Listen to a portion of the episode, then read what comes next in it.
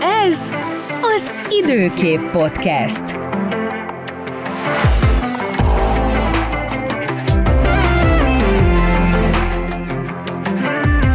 Sziasztok, ez az Időkép Podcast, én Falcsik Tomi vagyok, és itt van velem a stúdióban Bajer Szabó Bea. Sziasztok, köszöntöm a hallgatókat. És Herman Dóra.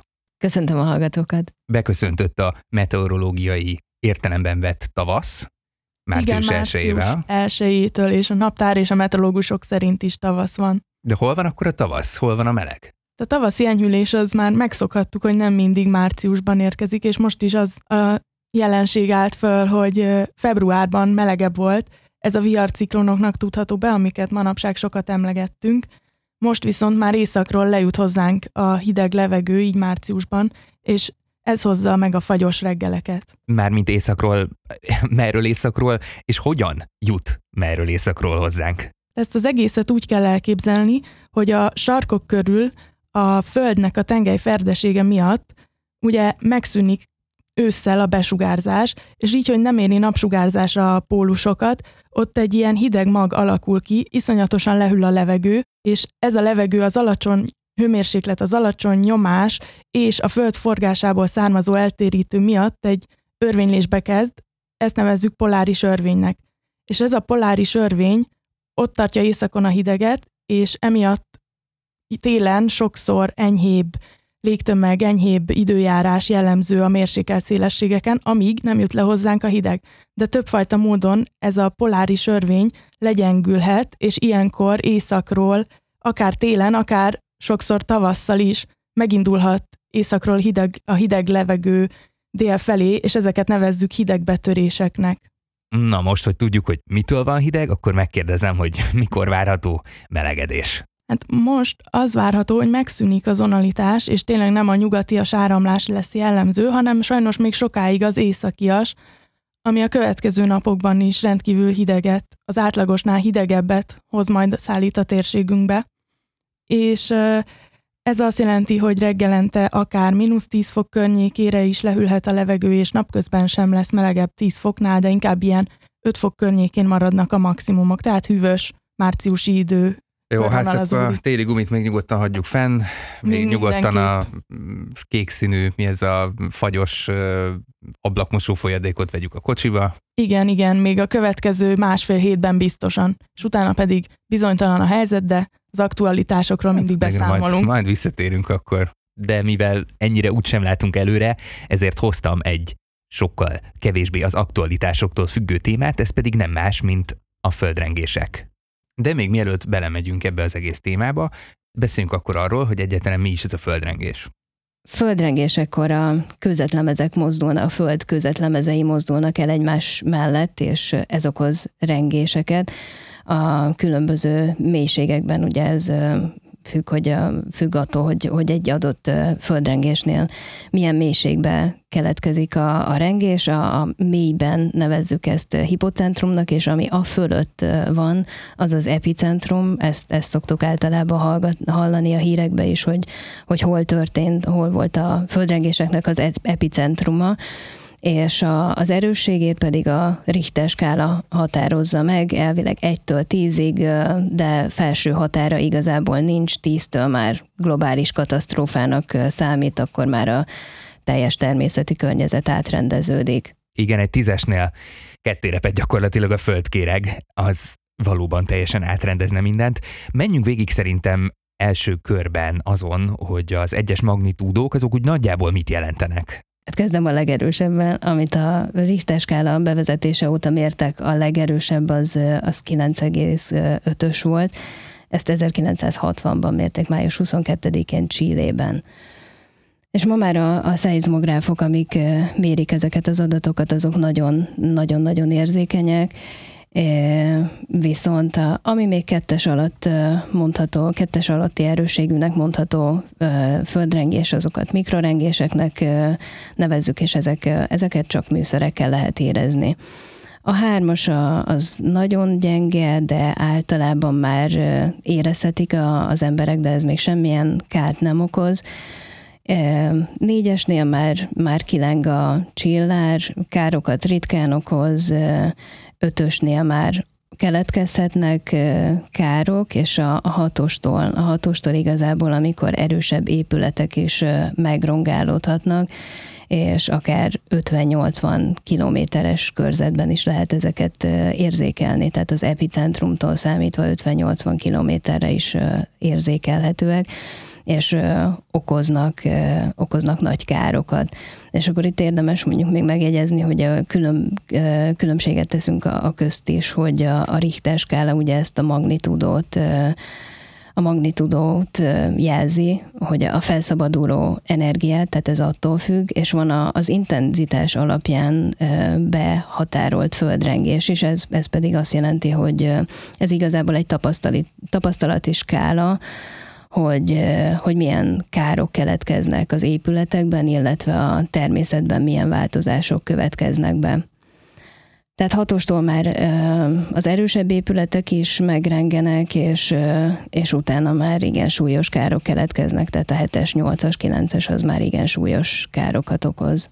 Ilyenek eddig még nem is nagyon voltak Magyarországon. Ami volt, hát én ezeket kigyűjtögettem, tulajdonképpen ilyen kis házi szorgalmi feladatként. 1985. augusztus 15-én volt Berhidán egy 4,9-es amplitúdójú földrengés. Erre azért sokan emlékezhetnek, illetve hát nyilván sokan olvastak, gondolom róla. Itt tulajdonképpen egy, ugye hát említetted, hogy a négyes és az ötös között azért annyira nem keletkeznek az épületekben károk, hát mondjuk a gyengébb épületekben azért nyilván Berhiden 72 házat kellett teljesen lebontani a a földrengés miatt. Ennél nagyobb, tehát a 4,9-esnél nagyobb azért nem volt eddig még Magyarországon, 85 óta. Hát gyorsan végigmegyek akkor, hogy miket mértek eddig. 1995. szeptember 18-án Esztergomban egy 3,6-est mértek, 2006. december 31-én Gyömrőn 4,1, 2011. január 29-én Oroszlány 4,7, és 2013. április 23-án Heves egy 4,7 tizedessel. Hát most végignézve ezen a listán, igazából tulajdonképpen elég sűrűn regisztrálnak azért ilyen 3 és 5 közötti magnitúdójú földrengést.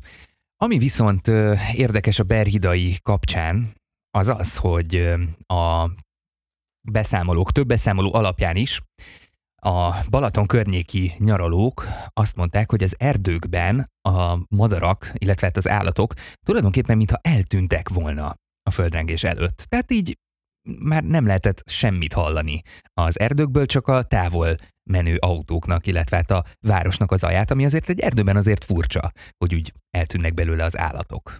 És hát ehhez kapcsolódik a mai epizód témája, miszerint az állatok igazából érzékenyebbek, akár szuperérzékenynek is mondhatjuk őket, és előre tudják, hogyha a természeti katasztrófa következik, mint például árvíz, földrengés, hatalmas vihar. Igen, és ez nem is egyedülálló eset, hanem már az ókorban megfigyelték, hogy az állatok képesek hamarabb érzékelni a földrengés közelettét.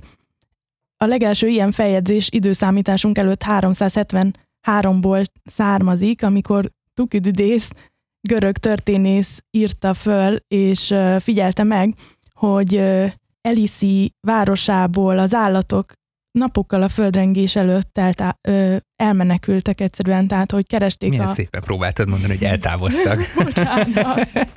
De nem, hát ez olyan aranyos. szóval nem, ez nagyon aranyos. Hát és az eltávoztak, igen. Egyben. Távozni méltóztattak, igen. igen.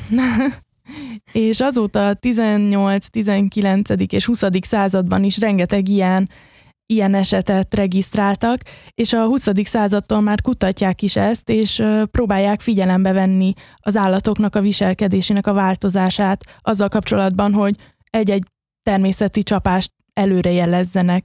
Az egyik ilyen eset az 1975-ben Kínában történt, amikor lovak elszabadultak, kutyák agresszívé váltak, és a rákcsálók és a háziállatok keresték a magaslati pontokat, és ennek a tetejébe, ami elindította azt, hogy a hatóságok is felfigyeljenek és rendelkezéseket hozzanak a népesség számára az az volt, hogy a kígyók százával elhagyták fészküket, ami januárban nagyon-nagyon szokatlan, hiszen a téli hónapokban ők hibernáltak, kicsit, vagy ilyesmi. Kicsit fagyos, igen, az nekik igen, még, tehát hogyha elhagyják a fészküket, meg tudnak fagyni.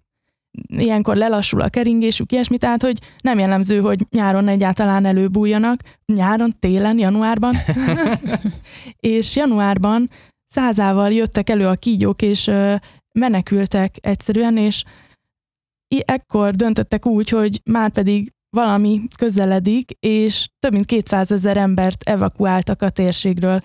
És hát jól is tették, mert pár nap múlva egy hatalmas földrengés rázta meg Kína észak-keleti részét, és óriási károkat okozott, viszont az emberéletek megmenekültek azáltal, hogy hallgattak a kígyók megérzéseire. Már egy korábbi epizódban beszéltünk erről, hogy amikor jön egy ilyen veszélyjelzés, akkor azt érdemes komolyan venni. Ez Magyarországon egyelőre egyébként szerintem még nem egy annyira bevett dolog, de külföldön főleg hát ott, ahol mondjuk akár csak egy ilyen villámárvíz, ugye így hívják, amikor nagyon hirtelen lezúdul igen. Például mondjuk Amerikában ez egy teljesen normális dolog, hogy így a telefonod elkezd csipogni, hogy figyelj csak, lesz itt egy ilyen villámárvíz, úgyhogy most így szíveskedj elmenni erről a területről, és ezt nagyon komolyan is veszik egyébként az emberek. Milyen jó, hogy akkoriban már komolyan vették a kígyók, meg egyéb rákcsálóknak a jelzéseit, és elmenekültek.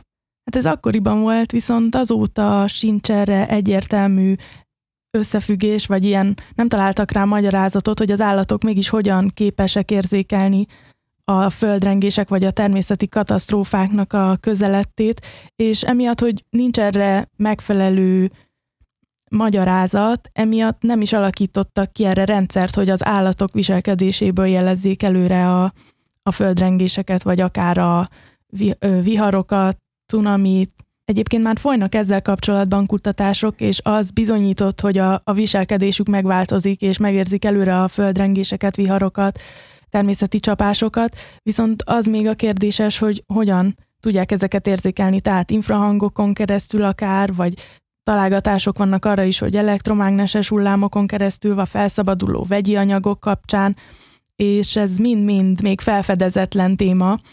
Volt egy olyan eset is például, amikor 1989-ben Kaliforniában Jim Berkland már kutatta és összefüggésbe hozta az állatok viselkedését, sőt, igazából az állatoknak az elkóborlását a közelgő természeti katasztrófákkal, és ezt figyelte éveken keresztül, és egyszer csak arra lett figyelmes, hogy az elkoborolt kutyáknak a száma a napokban 50%-kal megugrott, és szólt is a hatóságoknak, vagy hát az érintett szerveknek, hogy ő földrengést valószínűsít, valószínűsítés, valószínűleg földrengés közeleg, de nem hittek neki, és nem hoztak semmiféle rendelkezést, és két napra rá valóban egy hatalmas földrengés pusztított Kalifornia államban. Hasonló volt a 2004-es Indonézia partjainál megtörtént földrengés is, ami aztán egy cunamit indított el amikor is a Cunaméter, ami nem Kajdi Csaba legújabb top listájának a neve, hanem ugye a Cunami, miért, hát innen is üdvözöljük Kajdi urat. Tehát, hogy nem a, ezek a mérő berendezések nem jelezték elő időben előre, illetve megfelelő módon előre a, a balszerencse bekövetkeztét, viszont a helyiek megfigyelése szerint az állatok már, már jóval előtte elkezdtek magaslatokra menekülni. Igen, itt nem volt egyértelmű riasztás, és nem is volt elég kiforrott a, a földi rendszer, a mérőműszerek, sőt, volt, ahol kellett volna, hogy legyen kihelyezve ilyen cunami sziréna, de nem volt, vagy éppen a kommunikáció szakadozott, és emiatt nem jutott el a riasztás az emberekhez. Tehát hát igen, jobban meg, jártak volna, hogyha az állatokra hallgatnak. Meg ugye 2004, hát ott még azért a mobil hálózatok sem voltak annyira fejlettek, tehát nagyon sokan nem kapták meg azokat a riasztó SMS-eket, amiket meg kellett volna, hogy kapjanak, de a, persze tehát nem lehet egyértelműen azt mondani, hogy a, a technológia mondta be a csődöt, Hát azt is olvastam, hogy a, a földrengés mérő berendezések azok karbantartás miatt nem üzemeltek, mert hát... Hát igen, hogyha nem üzemel, akkor meg aztán pláne nehéz messze menő következtetéseket levonni azokból az értékekből, amiket nem szolgáltatnak, ugye? Igen, és ez a hatalmas rengés, ez egy óriási cunamit keltett, amit talán sokan emlékeznek, hogy Sri Lankát is teljesen letarolta, és érdekesség, hogy sajnos ugye rengeteg ember áldozatot követett, több mint 200 ezer halottat hagyott maga után, viszont egyetlen állattetemet sem találtak a területen, és az összes állatnak sikerült elmenekülnie. Ez ugye nyilvánvalóan abból adódik, hogy ők hamarabb megérezték a földrengés közelettét, vagy jöttét. Egyébként erről utólag meséltek is a helyiek, például Tájföldön egy csapat elefánt elszabadult a fogvata, fogvatartójától, hát gazdájától sajnos, hát, de hogy ezeket ugye arra használják, tudja, hogy, hogy turistákat elefántogatnak, vagy lovagoltatnak rajta. Hát akkor mondhatod, hogy fogva tartó, hogyha igen, igazából igen. Ki, ki vannak így használva ezek az állatok. Tehát... Szóval a turistákat szállították éppen ezek az elefántok, amikor teljesen megvadultak, és fölfutottak turistástul egy közeli domtetőre. Olyan történet is van ebből a ebből a földrengéses témából, hogy a flamingók elhagyták alacsonyan fekvő fészküket, és ők is a szárazföld belseje felé vették az irányt. Hát illetve... már, hogy ahol költeni szoktak. Fontos info, hogy amikor azt hátrahagyják, akkor nyilván azt nem viccből teszik, hogy elmennek Igen. egy kicsit. És egy bivajcsordát is megfigyeltek, akik láthatóan elkezdték fülelni, kémlelni a tengert, majd 180 fokos fordulatot vettek, és ők is egy közeli dombon kerestek menedéket. Szóval ezek az előjelek mind-mind előrevetíthették volna azt, hogy itt valami készülőben van. Nem csak földrengéseket éreznek meg az állatok, hanem volt rá példa a 2000-es években, hogy egy vulkánkitörést, a, nem is olyan messze az Etna kitörését érzékelték hamarabb a kecskék, ők idegesek lettek, és ebből hát lehetett arra következtetni. Hogy lehet, idegesek lettek a kecskék, nem tudom, hogy föltözvágják a káposztát, vagy, vagy szója, hogy... Hát a sokkal aktívabbak, és a... Nem, bocsánat, csak így elképzelni, ideges a kecském, tehát hogy így ezt, ezt, de ezt így hogy nem, tehát... Vagy például 1999-ben az Alpokban a juhok lemerészkedtek a völgybe, és nem sokkal később egy hatalmas lavina volt a térségben. Amikor egyébként fönt, szóval abban az időben a fönti tájakon szoktak menedéket keresni, és ezért volt furcsa, hogy most meg lejöttek a völgybe. A lavina elő. A lavina elő. Ja, igen, igen, oké. Okay. Csak mert nekem úgy valahogy az volt a fejemben, Láttam, hogy, lef, hogy lefe, le, lefelé megy a lavina, és hogy miért, miért arra ment, de akkor gondolom a lavina útja elől tértek ki. Hát valószínűleg, de Igen. Nem, nem tudok én hát, se az ő fejükkel gondolkodni. Megmenekültek, úgyhogy valószínűleg akkor. Na hát, hogyha ezek az állatok alapvetően ilyen jól érzékelik ezeket a természeti katasztrófákat, akkor valószínűsíthető, hogy ezt már ugye egyrészt kutatták, és gondolom használják is akkor a, a, az állatokat, tehát ö, intenzíven figyelik őket.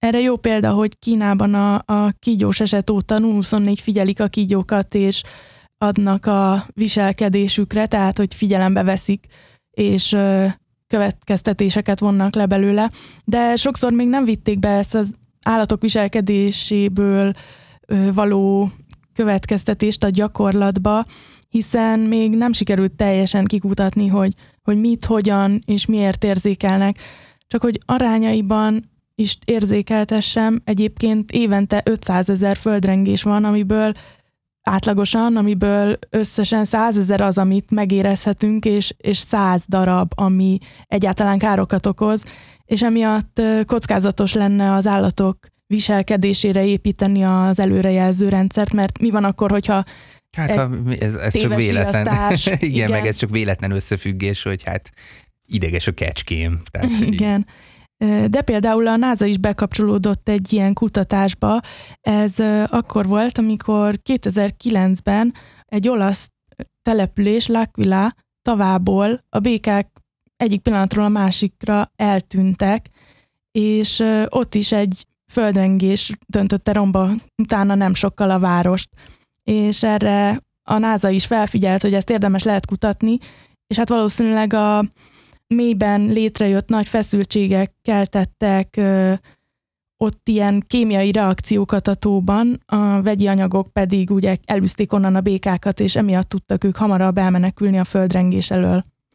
Aztán egy másik példa a 2011-es perui eset, ott is már jóval Ez hát egy hetes erősségű földrengés volt. Hetes erősségű rengés, és ott már például vadkamerákkal és érzékelőkkel figyelték az állatokat, kimondottan ezzel a célzattal, hogy a földrengéseket előre tudják jelezni.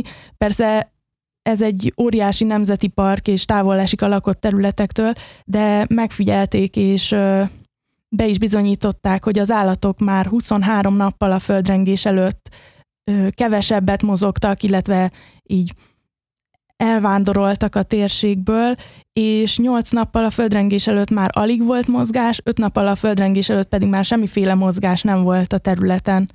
Én azt olvastam ezzel kapcsolatban, hogy Rachel Grant viselkedés ökológus és az ő munkatársainak a kutatása alapján a földrengést megelőző két hétben már lehetett a helyi légköri elektromosság komoly zavarait érzékelni, és nyolc nappal tulajdonképpen a földrengés előtt különösen nagy kilengéseket észleltek ezekben az adatokban, éppen akkor, amikor az állatok eltűnésének a második etapja megindult.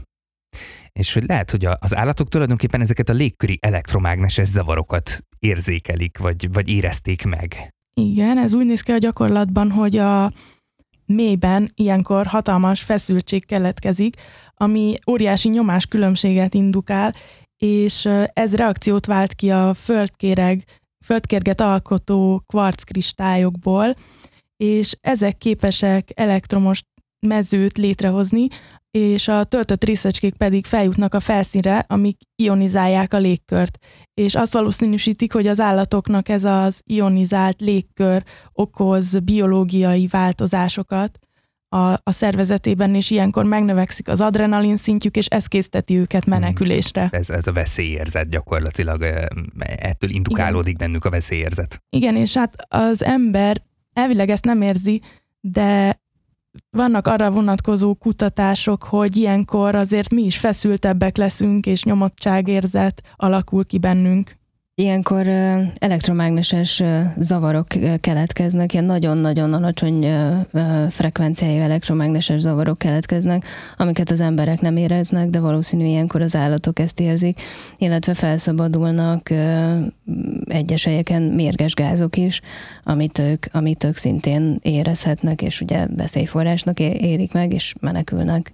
Ezek egyébként milyen mérgező gázok? Például radon felszabadulhat, itt egy nemrégiben a közelmúltban kijött másik tanulmány számol be erről, Ugye számos elméleti munka is foglalkozott már a földrengések előre jelezhetőségével, és tehát, hogy az állatoktól függetlenül, és a, a közelmúltban pedig magyar részvétellel egy újabb tanulmány is készült azzal kapcsolatban, hogy például légköri és ionoszféra zavarok alapján előrejelezhető a földrengés.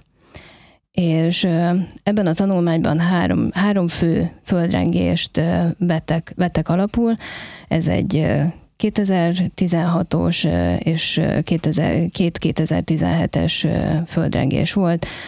Az első az 6,6-os erősségű, a második az 8,2-es, a harmadik az 7,1-es erősségű földrengés volt. Ezt mind a, mind a hármat Mexikó térségében mind a három Mexikó térségében következett be, és mivel a másodiknál egyébként volt egy geomágneses vihar is egy, egy napkitörés hatására, tehát abban az időszakban volt a második földrengés, a 17-es, szeptember 8-ai, ezért még, még 37 másik esetet is számításba vettek, tehát ezt is belevették a, a kutatásba, mindegyiknek a magnitudója, az négynél nagyobb volt, négyes erősségűnél nagyobb. Egy pillanatra elvesztettél, tehát hogy mit vizsgáltak itt bővebben? Itt igazából a, azzal kezdődik a, a vizsgálat, hogy a földrengések során keletkeznek mikrorepedések. És ilyenkor uh, radongáz szabadul fel, tehát a földkérekben mikrorepedések keletkeznek, radongáz szabadul fel, és a megnövekedett radon koncentráció pedig ionizálja a levegőt, plusz víz kondenzációs magvakat hoz létre. és a kondenzáció során felszabaduló látens hő pedig módosítja a légkörnek a hőmérsékletét is, a relatív páratartalmat is, illetve az üvegházhatását is módosítja. És a megnövekedett felszíni ionizáció következtében megváltozik a légkörnek az elektromos vezető képessége is, ami pedig a, a felszín és az ionoszféra közötti globális légköri elektromos áramkörre van befolyással. Jó, tehát tulajdonképpen itt is az történik, mint amit a Bea mondott, hogy a, a, az elektromos, ilyen elektromos zavarokat érzékelnek akkor a, a levegőben. Igen, csak hogy ez jóval magasabban. Ezt mondjuk úgy képzelhetjük el, hogy az, az ionoszféra az nagyjából 50 km magasságban kezdődik. Hogyha viszonyítást nézünk, az utasszállítógépek azok például 10 km magasan repülnek, és akkor nagyjából ötszörös magasság a valaha szebb napokat megélt Concorde, a szuperszonikus utasszállítógépet 18 kilométeren 18 km magasság volt az utazó magassága, vagy hogy kell ezt mondani? Na mindegy. Viszonyításképpen csak, hogy ez az 50, az, az elég magasan van. Igen, a, tehát még a meteorológiai ballonok ennél magasabbra mennek, a, a stratoszféráig is eljutnak. A stratoszféra az ugye 10 kilométertől kezdődik, és olyan 50 kilométerig tart és, és elérnek a stratoszféra középső, vagy hát ritkább esetben a Na, felső határáig. Szóval, hogy ez, ez ott, ott fönt magasan van, igen, ez, ez az elektromosság, igen? Igen. És, és ugye ennek kapcsán vizsgálták a teljes elektron tartalom változást is, amik, amik jól követhető, követhetőek ebben a, az időszakban, és megfigyelhetőek, tehát a földrengéseket megelőző néhány órában, illetve néhány napban is változik a teljes elektrontartalom. Itt ilyen nagy mértékű, de rövid ideig tartó változásokat detektáltak a, a kutatók, és ennek alapján igazából az egész tanulmánynak a konklúziója, hogy igen, ezekből lehet következtetni a földrengésekre, hogy földrengés fog bekövetkezni, tehát már előtte megváltozik az elektrontartalom a, a légköri, a, a globális légköri elektromos áramkörben is, illetve az ionoszférában is. És akkor ezt érzékelik az állatok. Az, az állatok ugye a föld felszínén, mert a föld felszínén is létrejönnek. Vagy már ne arra csak, hogy egy kicsit elvesztettem a dolgot, hogy most nagyon magasan, hát most nagyon magasan vagyunk, hát 50 kilométer, és hogy ez hogy kapcsolódik vissza az állatokhoz, amit így érzékelnek ebből, hogy Hát, hogy beszéltünk arról, hogy a, az állatokat is vizsgálják, hogy, vagy megfigyelik, hogy, és az ő viselkedésüket hmm. is mhm. kutatják, hogy ők hogyan tudják előrejelezni a földrengéseket de természetesen számos tanulmány is elméleti ja, értem, tanulmány jó, tehát is ez, ez most ettől már. függetlenül, igen, igen. hogy az ionoszférában is már érzékelhető ugye ez, a, ez az elektromos légköri zavar, vagy hogy is, hogy igen, igen, ezt? igen. De egyébként ez megfigyelték. kívülállóként az intelligenciáról beszélgetni, ugye. Na, mit figyeltek meg, bocsánat? Egyébként ezt megfigyelték, hogy a 2011-es perui földrengés kapcsán, hogy amikor az ionoszférában ezek a perturbációk fellépnek, akkor van a Földön is ilyen elektromágneses alacsony frekvenciáról elektromágneses hullám, amit érzékelhetnek az állatok, tehát ez egy uh-huh. időbe esik. Az állatok viselkedését egyébként a német Max Planck állatviselkedési tani intézet kutatói is megfigyelték, sőt erről publikáltak egy tanulmányt 2020-ban, miszerint itt is jól előre tudták jelezni a földrengéseket a, a viselkedés formák megváltozása alapján. Ő Martin Wikelski mondja ki azt ebben a publikációban, hogy öt évvel korábban egy x éven keresztül vizsgálták az állatok mozgását és viselkedését, és azt vetti, arra lettek figyelmesek, hogy 18 ezer földrengést regisztráltak ebben az időszakban, Viszont amikor az állatok együttesen, ezek egyébként fogvatartott házi állatokról beszélünk, hm. és hát, nem tudtak tehen, elmenekülni. Tehenek, birkák, akartam, kutyák, stb. El akartam kiukadni, hogy nem tudtak elmenekülni, szóval hogyha nekik együttesen 50%-kal 45 percig aktívabb a mozgásuk, akkor egy négynél magasabb magnitúdójú földrengés valószínűsíthető. És ezzel a módszerrel az évek során, ugye meg a kutatásból adódóan 8-ból 7-szer sikeresen előrejelezték ezeket a nagyobb földrengéseket. Hm. Hát a katasztrófa turizmusunk következő állomása mondjuk akkor legyenek inkább a viharok, így a földrengések intenzív kibeszélése után.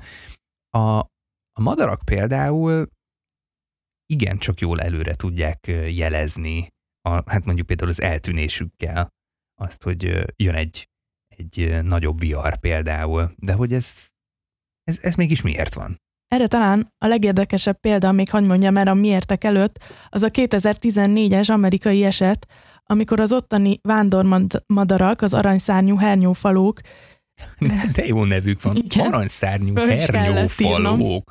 Ez milyen madár? Költöző. Egyébként hát, aprócska. jó, aprócska. Költöző, oké. Okay. madár, egy ilyen hmm. veréb méretű talán. Veréb, aha. Igen, és ők a téli hónapokra ugye Dél-Amerikába vándoroltak, viszont költeni meg visszajönnek Észak-Amerikába, Tennessee államba. És megtették ezt a visszafele 5000 kilométeres utat, ugye Dél-Amerikából visszatértek az USA-ba, és akkor egyszer csak visszafordultak, és visszarepültek az 5000-ből 700-at dél Mexikó irányába. És ezt akkor nem tudták hova tenni, de pár nappal később egy hatalmas vihar tombolt Tennessee-ben, és egy hát 80 tornádó tarolta le a térséget most térünk ki a miértre, hogy honnan tudták ezek a madarak, hogy nekik visszafele kellene mégiscsak repülniük, tehát úgy ha érkeztek, körülnéztek, és nem tudom, hát nyilván nem a helyi, mit tudom én, a Weather channel nézegették, hogy akkor most mi várható. Hát az ilyen hatalmas időjárási képződményeknek, mint a viharok, amik tornádokat is képesek létrehozni, ugye az energiájuk az nem vészel, illetve hát infrahangokat bocsátanak ki. Ezek nagyon alacsony frekvenciájú hangok, amit az emberi fül az nem is érzékel. De hát egyébként ilyen a... jócskán 20 Hz alattiak, tehát Igen. vagy még, még sokkal-sokkal uh, annál is Ugye mi 20 Hz-től 20 ezer hercig hallunk tartományban. Hát már aki, mert egyébként ez úgy néz ki, hogy úgy általában 20 éves koráig az ember szokott hallani 17 kHz-ig, tehát 17 ezer hercig, aztán ilyen 30 és 40 között van egy csökkenés, egy ilyen 1-2 ezer herccel szűkül ez a tartomány, és hát a fölött aztán meg már így radikálisan a 12 kHz, és olyan a 60 év fölött meg már lehet, hogy csak 8 kHz ez. Egyébként, aki emlékszik még ezekre a borzasztóan régi képcsöves televíziókra, tehát az ilyen Videóton, meg Orion, Narcis, nem tudom, borzasztóan régi képcsöves televíziókra, annak lehet, hogy megvan még, hogy a kisgyerekek teljesen megőrültek tőle, mert ők még hallották a 17 kHz-es sípolást, ami jött ezekből a képcsöves régi televíziókból, és hát a nagymama meg a nagypapa, akinek a, egyszerűen a hallása már ezen a tartományon belül jócskán beszűkült, tehát ők meg már nem hallották, és nem értették, hogy miért zavarja ezeket a nagyon pici kis gyerekeket a televízió. Hát ezért zavart őket, mert ők még hallották ezt a egyébként egészen hangos sípolást. Na de térjünk vissza itt a, a nagyon magas hangokról a nagyon-nagyon alacsony frekvenciájú hangokra. Ezek pedig a 16 Hz alatti hangok, amiről most beszélünk, és ö, akár egy század Hz is lehet, tehát ilyen tartományban alakulnak az infrahangok. Egyébként a madarak sem hallják őket, hanem képzeld, a, a szemükkel érzékelik. Ez érdekes, érdekes. Igen, és ezt a... De már mint, hogy a, a rezgéseket valószínűleg annyira finom Igen, a... Olyan, mint hogyha ilyen álló vonalakat látnának a, a levegőben.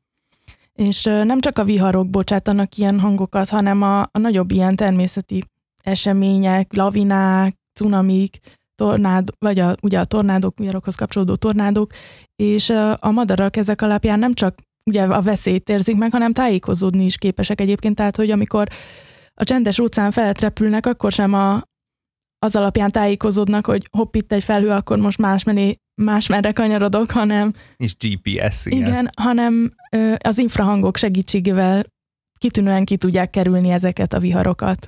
Ja, hogy, ja, hogy úgy, úgy tájékozódnak, hogy a viharokat elkerülni a, Igen. az óceán felett. Mm. És erről 2021 2021-ben már indítottak is egy kutatást, és 56, 5 különböző fajból 56 madárra szereltek GPS nyomkövetőt, meg különböző műszereket, amiknek az adatait a nemzetközi űrállomás veszi, és ez alapján szeretnének jobb előrejelzést, jobb éghajlatmodellezést létrehozni, és hát ezeket a, az infrahangokat is tanulmányozzák. Annyira vicces, hogy egy korábbi epizódban arról beszéltünk, hogy bálnákra szereltek szenzorokat, és a, a, ezeknek a szenzoroknak az adatait dolgozták fel, most meg hát ugye a madarakra szerelt szenzorokat is. És egyébként pont a bálnák is azok, akik érzékelik az infrahangokat, sőt tudnak vele kommunikálni, meg a madarak, az madarak is, az elefántok, és néhány hal. Nem csak, hogy érzékeli, hanem tud is kommunikálni ilyen infrahangokkal. Hát állatok ide vagy oda, akkor, akkor mi a végső konklúzió? Végső konklúzióként visszakanyarodnék az előző tanulmányhoz, ahol a kutatók azt javasolták, hogy a szeizmikusan aktív régiókban kellene létrehozni egy állomáshálózatot, hogy egy egyértelmű és egy átfogó képet kapjunk egyidejűleg vizsgálva a, hőmérsékletet, a relatív páratartalmat, a radon mennyiséget, illetve a, a légköri elektromos paramétereket, illetve, amit említettem, a teljes elektron tartalomváltozást is. És például ilyen szeizmikusan aktív régiók, amit most többet is emlegettünk, Mexikó, illetve Szumátra, és ahogy néztem, most hétvégén is volt mind a két térségében, térségben egy-egy hatos erősségű földrengés. Ó, ez elég kemény, egy, hát visszautalva egy pillanat erejéig, a hatos magnitúdó az, vagy a rengés ereje az erős, és ott már ugye az 50-60 kilométeres távolságból, az epicentrumtól az 50-60 kilométeres távolságban lévő épületek is megrongálódhatnak. No hát ezek minden esetre nagyon érdekes dolgok. Én remélem, hogy a közeljövőben sikerül azért egy ilyen mérő hálózatot egy állomás, állomás, állomás, hálózatot, állomás hálózatot létrehozni. Ahol ezeket a felsorolt paramétereket egyidejűleg mérik, és akkor ebből ebből jobban e, tudják előrejelezni a földrengéseket. És amíg hozzáveszik az állatok viselkedését, akkor már egy kifinomult előrejelző rendszer alakulhat ki. Hát igen, és akkor lehet, hogy a kígyót, békát akár új értelmet is nyerhet, de hát ezt majd eldöntik a kígyóológusok, vagy nem, minden esetre ennek a podcast epizódnak sajnos itt a vége, elfogyott az időnk. A show notes-ban, azaz a podcasthez csatolt apró kis leírásban szerepelnek majd a linkek az egyes kutatásokhoz, amikről beszéltünk. De a legfontosabb, ne csak hallgassátok a műsort, hanem szóljatok is hozzá. Instán, TikTokon, Facebookon, bárhol, ahol bennünket elértek, mindenképpen jelezzetek, hogy mit szeretnétek hallani a műsorban, mert a ti visszajelzéseitek alapján szeretnénk fejleszteni a műsort. Úgyhogy írjatok bátran, ugye? Persze bátran, bármilyen meteorológiai vagy akár természeti témával kapcsolatban. Köszönöm Bajer Szabó Beának és Herman Dúrának. Köszi, sziasztok! Sziasztok! Köszönjük, sziasztok!